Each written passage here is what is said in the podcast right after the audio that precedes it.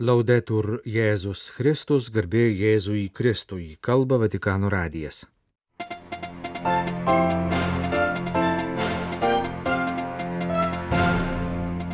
Atidėkime nesutarimus, suvienykime jėgas, ragina popiežius kreipdamasis į Dubajuje vykstančios konferencijos klimato kaitos klausimais dalyvius. Paryžiuje susirinko seminaristai iš visos Prancūzijos. Jiems pasiūstas popiežiaus sveikinimas. Bet liejuje tyliai ir santūriai pradėtas šių metų advento laikas. Mūsų laidos antroje dalyje pirmojo advento sekmadienio Evangelijos komentaras. Valstybės sekretorius kardinolas Pietro Parolinas vadovauja Šventojo sostų delegacijai dalyvaujančiai Dubajuje vykstančioje Junktinių tautų bendrosios klimato kaitos konvencijos šalių konferencijoje COP28. Pavaduodamas popiežių, kuris dėl sveikatos pablogėjimo turėjo atšaukti savo dalyvavimą, šeštadienį kardinolas perskaitė kalbą, kurią Pranciškus turėjo skaityti konferencijos dalyviams. Dėl ko mes dirbame - dėl gyvybės ar dėl mirties kultūros, kreipėsi popiežius į konferencijoje dalyvaujančius viso pasaulio valstybių lyderius. Nuoširdžiai jūsų prašau, rinkimės gyvenimą, rinkimės ateitį, įsiklausykime į žemės dėjones, išgirskime vargstančiųjų šauksmą, įsiklausykime į jaunimo viltis ir vaikų svajones. Mums tenka didžiulė atsakomybė - užtikrinti, kad nebūtų iš jų atimta ateitis. Dabartinę klimato kaitą lemia visuotinis atšilimas, dėl kurio labiausiai kaltas šiltnamio efektą sukeliančių dujų kiekio didėjimas atmosferoje, kurį savo ruoštų lemia ekosistemai kenksminga žmogaus veikla.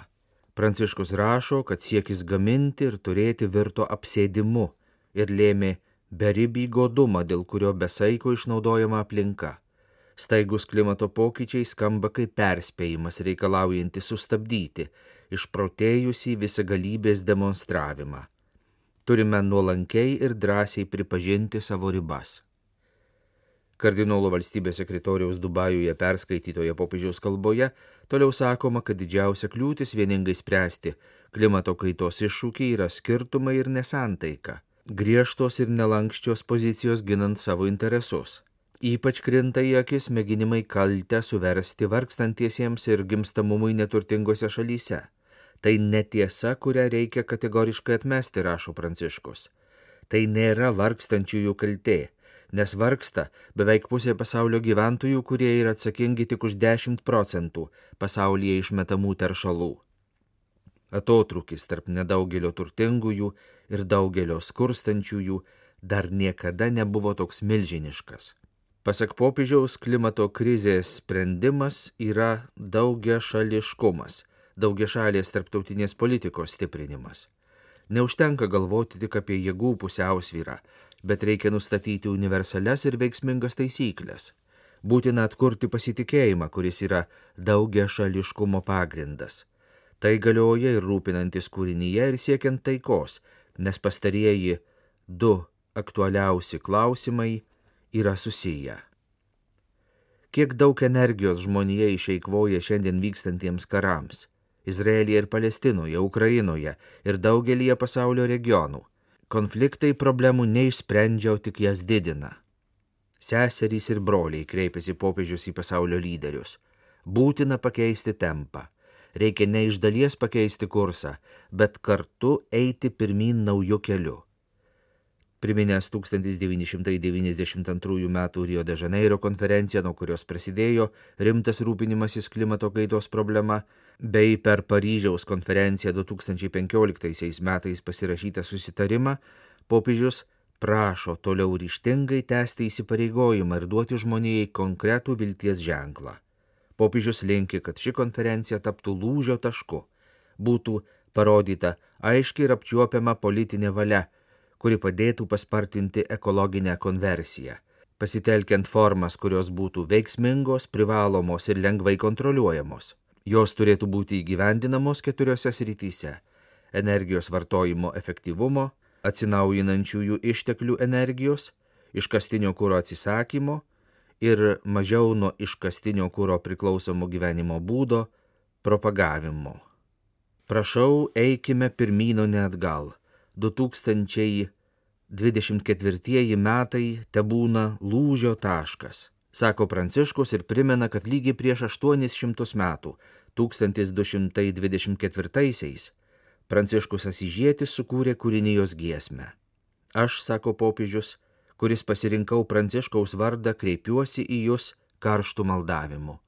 Atidėkime į šalį nesutarimus ir suvienykime jėgas.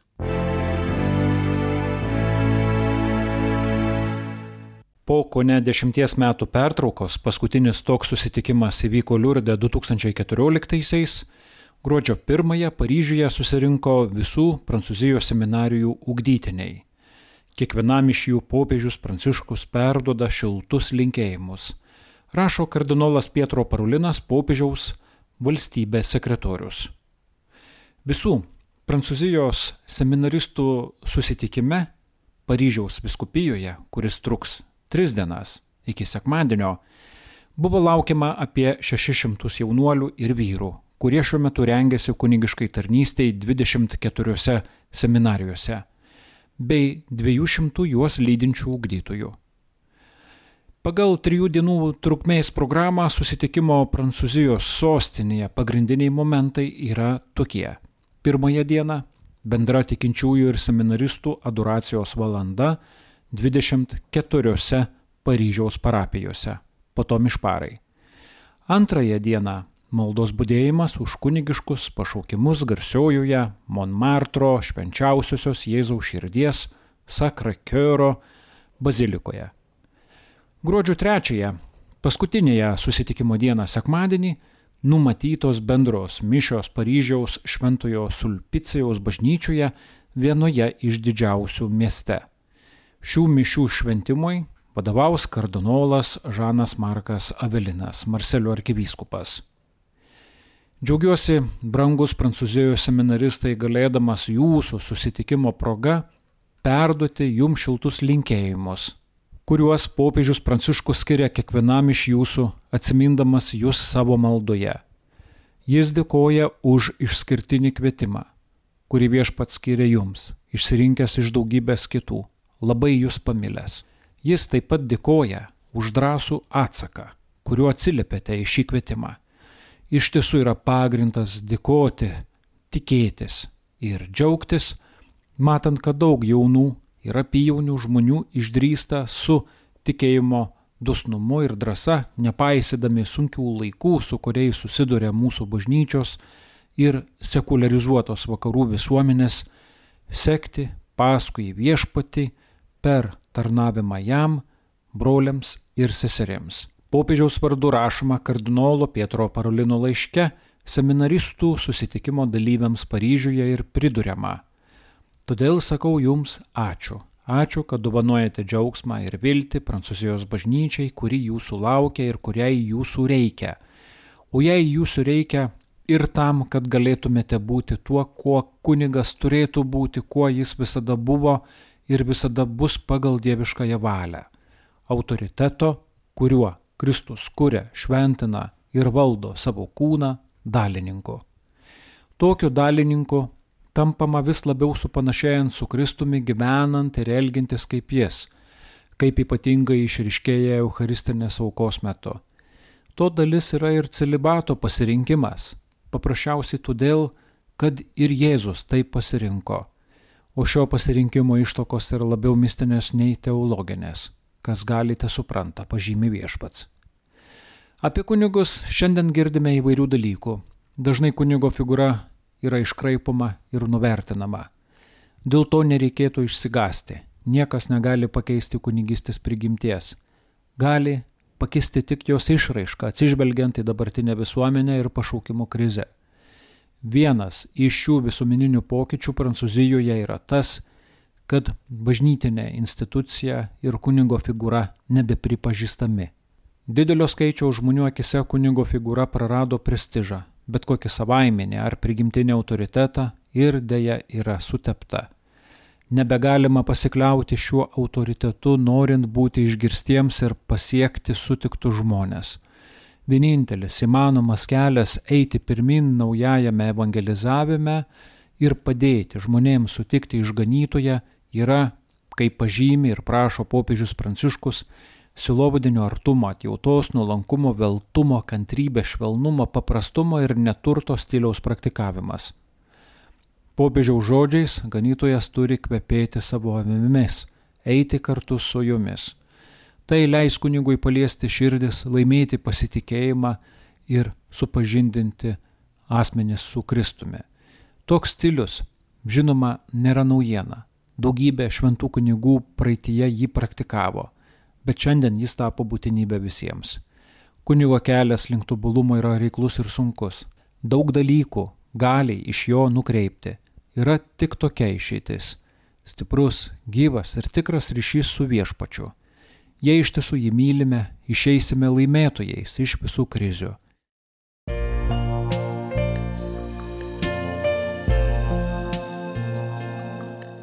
Jūs klausotės Vatikano radio. Tęsėme žinių laidą lietuvių kalba.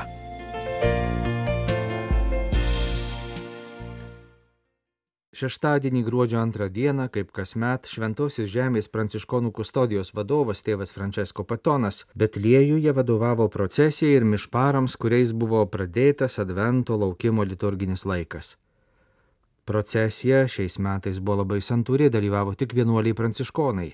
Kaip įprasta, eisena prasidėjo Jeruzalėje, Jos negausus dalyviai, kirtę Izraelio ir Palestinos teritoriją skiriančią sieną, atkeliavo į Betlėjaus centrą ir įžengė į prie gimimo bazilikos prigludusią pranciškonams priklausančią Šventojios Kotrynos bažnyčią. Iš jos pro šoninės duris įžengę į gimimo baziliką, pranciškonai nusileido į gimimo grotą.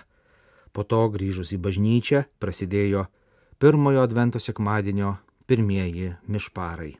Kaip aiškino pats kustodijos vadovas tėvas Patonas, Advento pradžios apieigose šeštadienį nedalyvavo žmonių minios, kaip kitais metais, samoningai buvo atsisakyta šurmulio, tam, kad būtų pabrėžta tyla ir malda.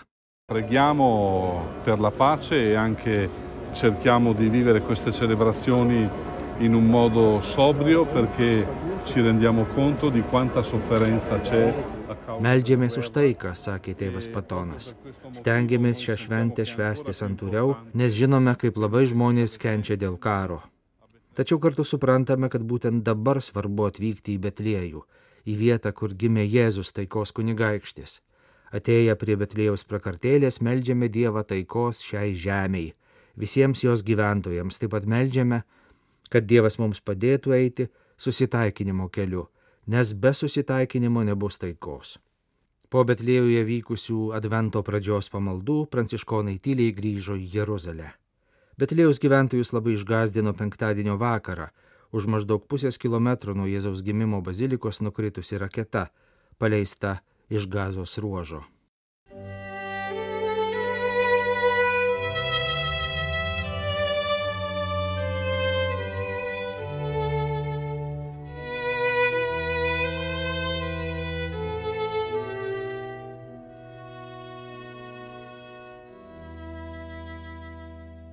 Pirmasis Advento sekmadienis iš Evangelijos pagal Morku. Anuo metu Jėzus pasakė savo mokiniams: Žiūrėkite, būdėkite, nes nežinote, kada ateis tas laikas. Bus kaip su žmogumi, kuris iškeliavo svetur, paliko namus ir davė tarnams įgaliojimus, kiekvienam paskyręs darbą, o durininkui įsakė būdėti. Taigi būdėkite, nes nežinote, kada grįž namų šeimininkas.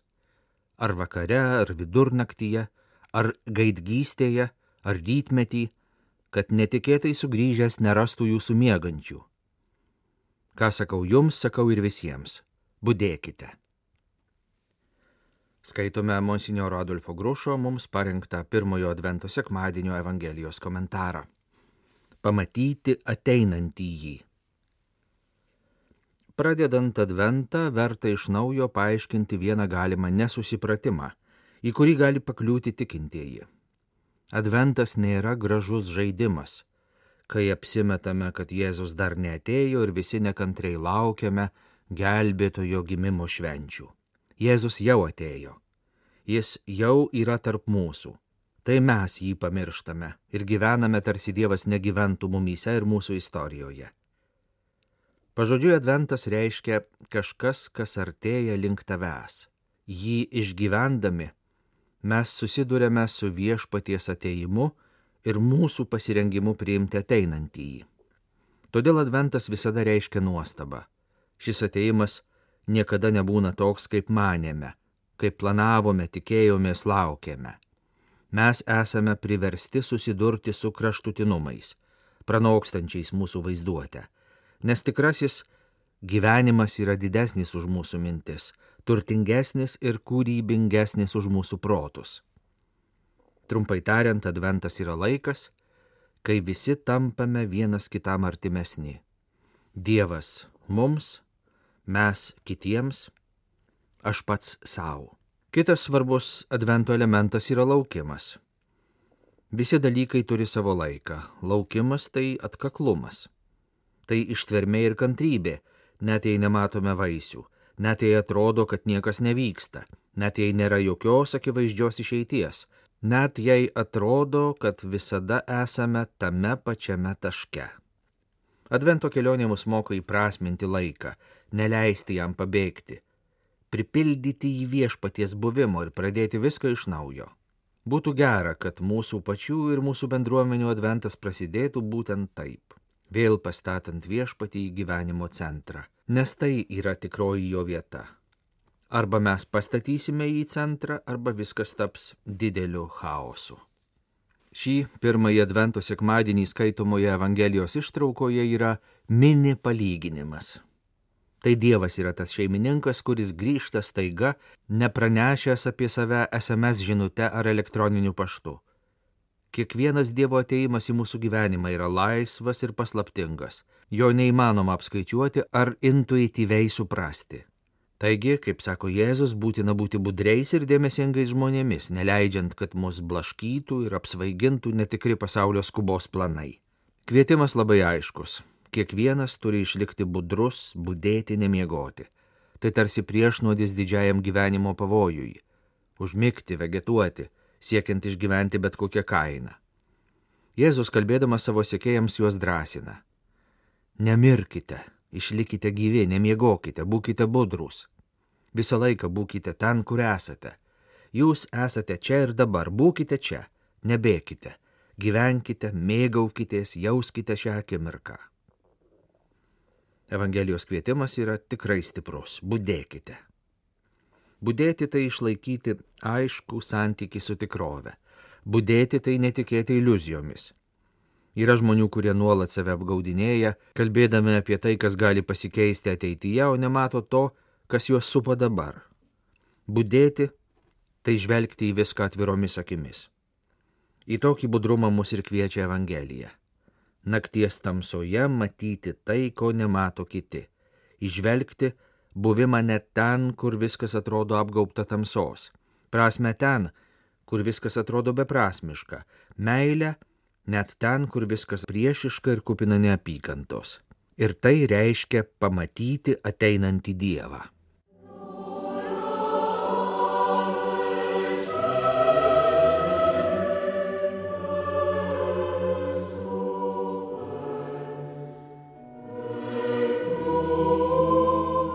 Kalba Vatikano radijas. Laidą lietuvių kalba baigėme. Garbėjai Jėzui Kristui, laudetur Jėzus Kristus.